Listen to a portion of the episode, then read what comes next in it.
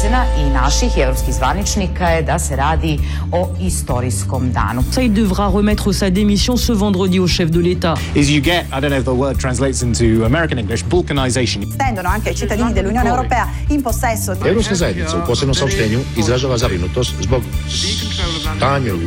Una iniciativa legislativa ciudadana sobre empleo. Our nation is in peril. Those are the words of the former Prime Minister Tony Blair. Verteilung von Flüchtlingskontingenten. I see such an abyss opening up in front of our eyes in the center of Europe today. Off. Side.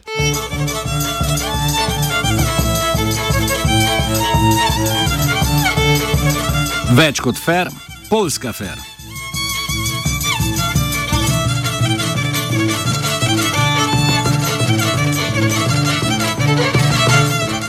Odkar je parlamentarna oblast novembra lani na Polskem prevzela stranka Zakon in pravičnost, krajše PIS, se odnosi z Evropsko unijo zaostrujejo. Stranka Zakon in pravičnost Evropo razburja z močnim vplivom na medije, politizacijo sodstva in veliko regresijo na področju pravic žensk. Na drugi strani pa na ekonomskem področju izvaja ukrepe, ki si jih ne bi sramovala marsikatera deklarativno leva vlada. Tako smo letos že spremljali jadikovanje evrokratov ob uvedbi davka na bančni in zavarovalniški sektor. Najnovejši zaplet prihaja v obliki preiskave Evropske komisije, ki jo je slednja sprožila ob uvedbi davka na trgovinski sektor. Ta prinaša progresivno obdavčitev za maloprodajne trgovce, kar bi dispo, pro, disproporcionalno prizadelo tuje trgovske verige. Kako se torej najnovejša davčna reforma malo prodaja vklaplja v širšo ekonomsko politiko stranke PIS, pojasni sociolog Gavin Raje z Univerze Kozminski v Varšavi. Is, is, is kind of national capitalism in Poland. Uh, this, at least in its rhetoric, means that they will be prioritizing uh, building up national companies and a national capital base taxing international companies and banks, uh, and also in order to secure a social base of support, that they are providing some elements of social spending. Uh, and this, uh, for the present Law and Justice, the peace government, uh, their biggest um, uh, policy is uh, in, in, this sphere is called the 500 plus policy, which is providing uh, everybody who, has uh, more than one child, every second child, third child, and so forth, they will receive 500 uh, Polish zloty a month, which is not a small amount of money for many people. So they are introducing some pro-social policies uh, within the vacuum left by neoliberalism and the decline of the of the left. Preden pa vzkliknete socializem, raje nadaljuje. There's been no proposition coming from the government, for example, to, to uh, increase the taxation taxation rate of uh, top top earners in Poland. And Poland has a very, uh, uh in, in, in European terms, quite a regressive ta- uh, income taxation rate, personal income tax taxation, and it has low um, it has low corporation taxation rates. And they're not, they're not, there's no proposition to redress this. So what they're doing in order to, to increase their revenue, their major strategy is to try to tax some uh, companies from abroad. As you said, the two the two main policies are to try to introduce a taxation uh, onto foreign banks and into onto uh, large supermarkets which are dominated by foreign companies. Vrnimo se k davku za supermarkete. Polski parlament je namreč julija letos implementiral davčno schemo, veljavno za podjetja, ki se na polskem ukvarjajo z malo prodajo. Davek je stopil v veljavo 1. septembra, zapadlo pa ni še nobeno plačilo. Gre za progresivno obdavčitev, pri kateri je kriterij mesečni promet.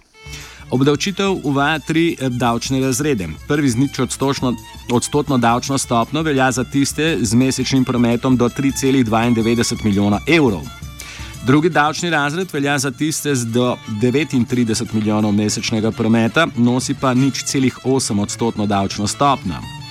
Tretji razred velja za podjetja, ki na mesec obrnejo več kot 39 milijonov in se bodo morale posloviti od, pardon, od 1,4 odstotka svoje davčne osnove. Ja.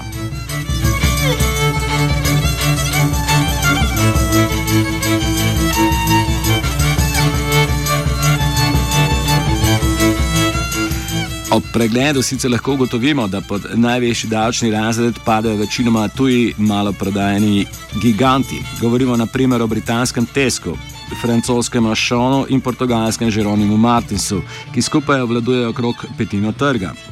Panevropska lobistična skupina za te trgovce, Eurocommerce, je izračunala, da bi deset največjih tujih podjetij plačalo okoli 95 odstotkov celotnega davka.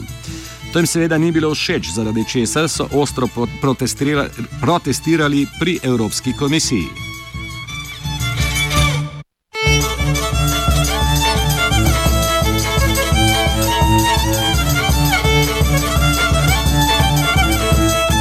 Ta je naposled le uslišala krvaveča srca trgovskih gigantov in proti davku zagnala preiskavo.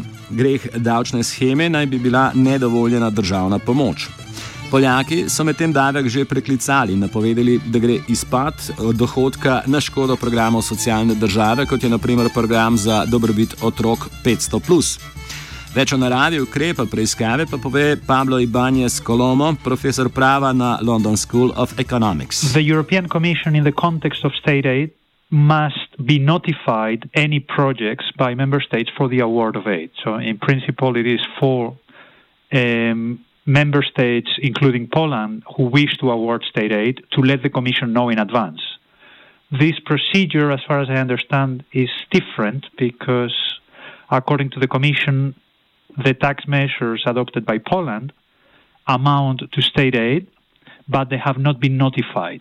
So it's a procedure that is put in place whenever member states implement state aid without letting the Commission know in advance. So that's the context of the procedure.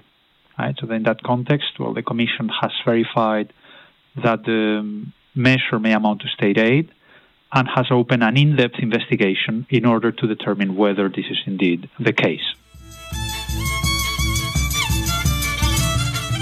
Prepoved državne pomoči izvira 107. člena pogodbe o delovanju Evropske unije. Omenjeni člen kot pomoč šteje, citiramo: Vsaka pomoč, ki jo dodeli država članica ali kakršnakoli vrsta pomoči iz državnih sredstev, ki izkrivlja ali bi lahko izkrivljala konkurenco z danjem prednosti posameznim podjetjem ali proizvodni posameznega blaga, konec citata. That is one of the fundamental provisions of the EU treaties. So, from the beginning, from the outset, the European Union has always had this system for the control uh, of state aid. And of course, this control only applies to measures that are considered to be state aid under these provisions. So, only measures that fulfill the conditions of Article uh, 107, paragraph 1. And for Article 107, paragraph 1 to intervene, several conditions must be fulfilled. So, state aid, first of all, uh, must be implemented by the state or through state resources. So it is clear from previous rulings of the European Court of Justice that for a measure to be called state aid within the meaning of Article 107.1, state resources must be mobilized. So that could be, in this case, concerning Poland, the theory would be that because of the differential tax treatment between supermarkets, Poland is giving up some state resources tax revenues that would otherwise be obtained, while Poland is giving up these state resources. So the first condition, intervention by the state that involves the use of state resources. Right? So that could be a subsidy, that could be a tax exemption, but one can think of other types. The second question, which is the most interesting in this case, concerns what might be called a selective advantage. Right? So for a measure to be considered state aid, it is necessary to show that it gives a selective advantage to some companies, that some economic activities or some companies are being favored through the use of state resources. Right? So then a measure that applies to everyone in the same way would not amount to state aid. So in this Polish case, for instance, just to give you an idea, the theory of the Commission is that the differential treatment of small um, supermarkets is giving them a selective advantage. V primeru Polske naj bi bila progresivna obdavčitev protipravna zato, ker domači subjekti, ki predpostavljeno dosegajo manjši promet in so posledično uvrščeni v nižje davčne razrede, s tako vrstitvijo dosegajo konkurenčno prednost pred tistimi z več prometa. To seveda postavlja vprašanje o legalnosti progresivne obdavčitve v Evropi nasploh. The presumption would be that any system of taxation that is progressive would be prima facie state aid. And that's the, a relative novelty if one looks at what the Commission had done in the past.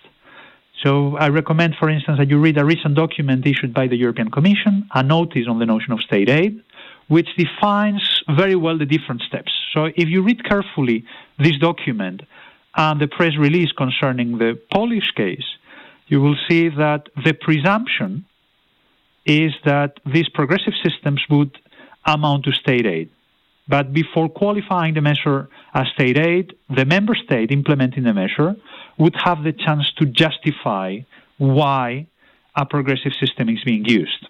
So, what is interesting is that indeed, this idea whereby progressive taxation systems are prima facie aid gives substantial power to the European Commission to monitor and to oversee the taxation systems of member states. It does not mean that every single progressive taxation system would be state aid within the meaning of Article 1071. It simply means, in practice, that the Commission has greater powers to oversee, to monitor, and to reject some systems of taxation when it is not convinced that the progressivity is justified by the needs or by the um, by the nature and the logic of the tax system. So in practice, not really every, but I think it's difficult to say that every single progressive uh, system will be qualified as state aid. But what is clear is that under this theory, the Commission would have great powers um, to oversee these sort of tax systems. Evropska komisija sicer pozorno bdi nad davčnimi sistemi. Odločitev, ki jo je sprejela v zvezi s Polsko, je tako navdihnjena strani podobnega primera v Gibraltarju. Case, significant leeway to the European Commission to intervene in these cases is probably the case against Gibraltar. So, what the Commission is doing in this context must be understood in light of a key ruling, a key precedent, which is a case involving the taxation system in Gibraltar. So, the case is quite notable because the tax system in Gibraltar did not formally differentiate between companies, but the Commission argued that in practice, uh, some companies were being treated, treated better than others. And this judgment gave uh, the Commission significant leeway to monitor and to oversee tax systems. So, against the background of Gibraltar, one could say, well, there are reasons to believe that insofar as this system treats in practice some companies better than others, um, it could amount to state aid, right? But I think there are many cases in the tax system that give the impression that the European Commission is monitoring closely many aspects of um, national tax systems. Offside je pripravil Zupan. Słuchacie Radia Student na frekwencjach 104,3 i 89,3 MHz stereo. Życzymy Państwu dobrego odbioru i ostrego obrazu. Polacy lubimy słuchać Radia Student.